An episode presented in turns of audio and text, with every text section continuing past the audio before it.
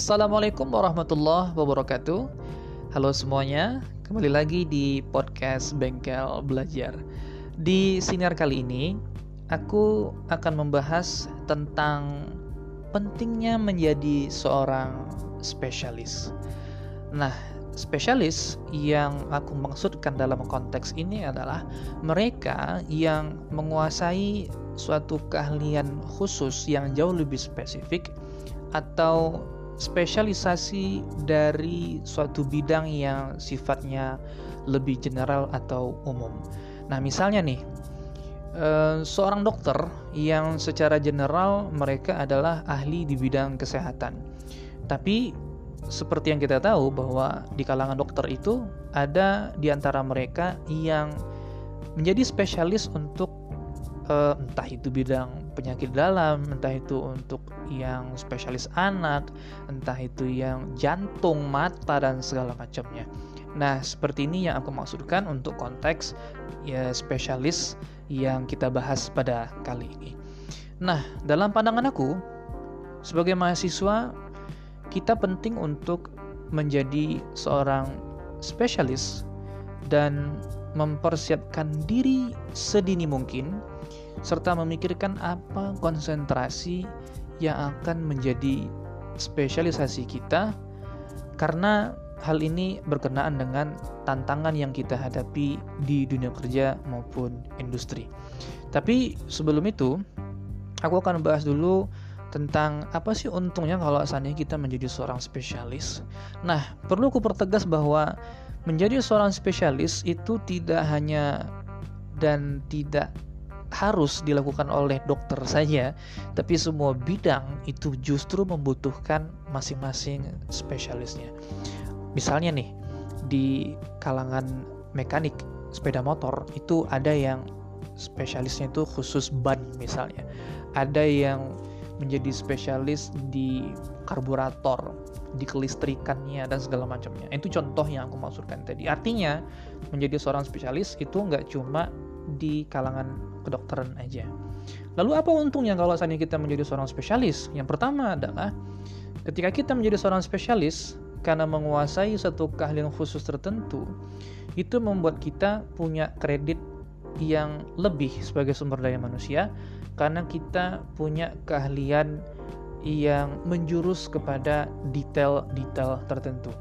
Nah, meskipun ini nggak mutlak, tapi menjadi seorang spesialis itu akan membuat kamu cenderung lebih punya peluang dalam rekrutmen dunia kerja dan terlibat dalam industri karena kamu punya keahlian spesifik yang membuat kamu itu punya value lebih oleh eh, orang-orang uh, yang akan merekrut kamu gitu. Nah, ini keuntungan pertama bahwa kamu akan memiliki X factor yang dianggap lebih unggul dibandingkan dengan SDM yang lain karena kamu punya uh, satu keahlian khusus tertentu yang barangkali itu dibutuhkan oleh mereka.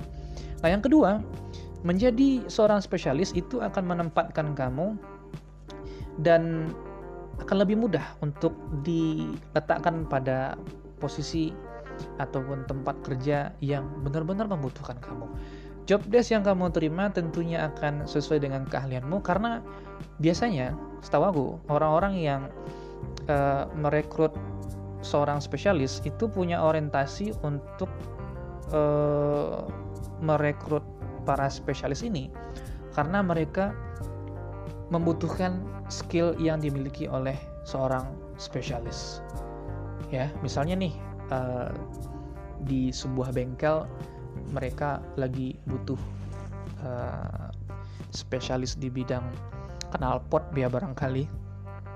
Nah, maka ketika mereka buka rekrutmennya, mereka akan fokus hanya mencari orang-orang yang diahli ataupun yang menjadi spesialis di bidang knalpot. Nah, ketika kamu direkrut karena kamu memang ahli di bidang knalpot, maka kamu nggak mungkin dong diletakkan di uh, sebuah tempat kerja yang nggak sesuai dengan spesialisasimu karena kalau, kalau mereka merekrutmu untuk diletakkan pada tempat yang lebih general atau di tempat yang lain yang di luar spesialisasimu, maka tentu mereka rugi kan. Jadi kalau kamu punya spesialisasi, kamu cenderung akan diletakkan ataupun mendapatkan job desk yang sesuai dengan kemampuanmu, dengan kinerjamu, dengan apa yang kamu bisa atau apa spesialisasimu.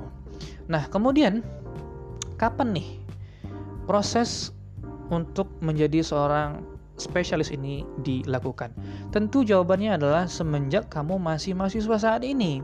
Ini untuk mahasiswa, aku tegaskan bahwa menjadi seorang spesialis itu bukan ketika kamu udah lulus, tapi ketika kamu masih menjadi mahasiswa. Ikut dalam berbagai organisasi, program, dan unit kegiatan mahasiswa akan mengasah keterampilanmu pada banyak hal dan karena kesempatan ini eh, besar kamu dapatkan hanya ketika kamu menjadi mahasiswa. Maksud aku adalah kalau kamu udah kerja, tentu sulit bagi kamu untuk menambah waktu dalam meningkatkan kemampuan sebagai seorang spesialis kecuali memang tempat kerja kamu uh, memang membutuhkan seorang spesialis dan mereka mau membayar uh, pendidikanmu untuk menjadi seorang spesialis itu. Tapi ketika kamu menjadi mahasiswa, masih menjadi mahasiswa, kamu punya waktu yang banyak, kamu punya kesempatan yang banyak untuk menjadi seorang spesialis karena begitu banyak bidang-bidang yang bisa kamu jelajahi.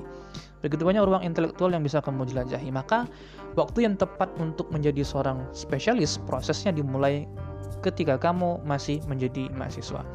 Kemudian, bagaimana caranya untuk menentukan apa yang akan menjadi spesialisasimu. Nah ini juga keresahanku dulu loh. Aku pengen ahli di bidang apa ya? Aku pengen menjadi seorang spesialis di bidang apa ya? Nah, ada beberapa cara yang bisa kita lakukan untuk menentukan apa bidang atau aspek yang akan kita khususkan dipelajari sehingga menjadi spesialisasi kita ataupun menjadi spesialis pada bidang tersebut. Pertama, itu bisa dimulai dengan mengeksplorasi hal-hal yang kamu minati. Misalnya, mahasiswa di alma materku ada yang punya minat dengan desain grafis. Nah, dia nih bisa menjadi seorang guru yang spesialisasinya adalah uh, seorang pembuat media pembelajaran khususnya media pembelajaran berbasis visual. Karena dia punya kemampuan untuk mendesain uh, grafis tadi ya atau ada juga yang berminat dengan bidang psikologi maka dia bisa menjadi seorang guru yang spesialisasinya adalah bidang konseli atau bimbingan dalam konteks lain tentunya bisa teman-teman sesuaikan dengan bidang yang sedang kalian geluti hari ini dan aspek apa yang kalian minati tersebut. Nah ini cara yang pertama. Jadi mulailah untuk mengeksplorasi hal-hal yang kamu minati, perdalam, mantapkan skillmu di sana. Nah yang kedua, Coba pikirkan dari sekian banyak mata kuliah yang ada di program studimu, mana yang paling benar-benar kamu kuasai. Dalam konteks alma materku di program studi pendidikan agama Islam misalnya, itu ada mata kuliah tentang telaah kurikulum pendidikan. Dan jika kamu betul-betul jago di mata kuliah itu, ahli telaah kurikulum, ya, kenapa nggak dijadikan sebagai spesialisasimu saja? Dan tentunya masih ada mata kuliah lain yang berpotensi untuk kita jadikan sebagai spesialisasinya kita. Misalnya manajemen kelas, bimbingan konseling, metodologi pembelajaran, dan lain-lain sebagainya. Tapi yang perlu kita ingat bersama adalah bahwa spesialisasi ini baru, harus benar-benar mendukung studi utama kita yang kita geluti saat ini di perguruan tinggi.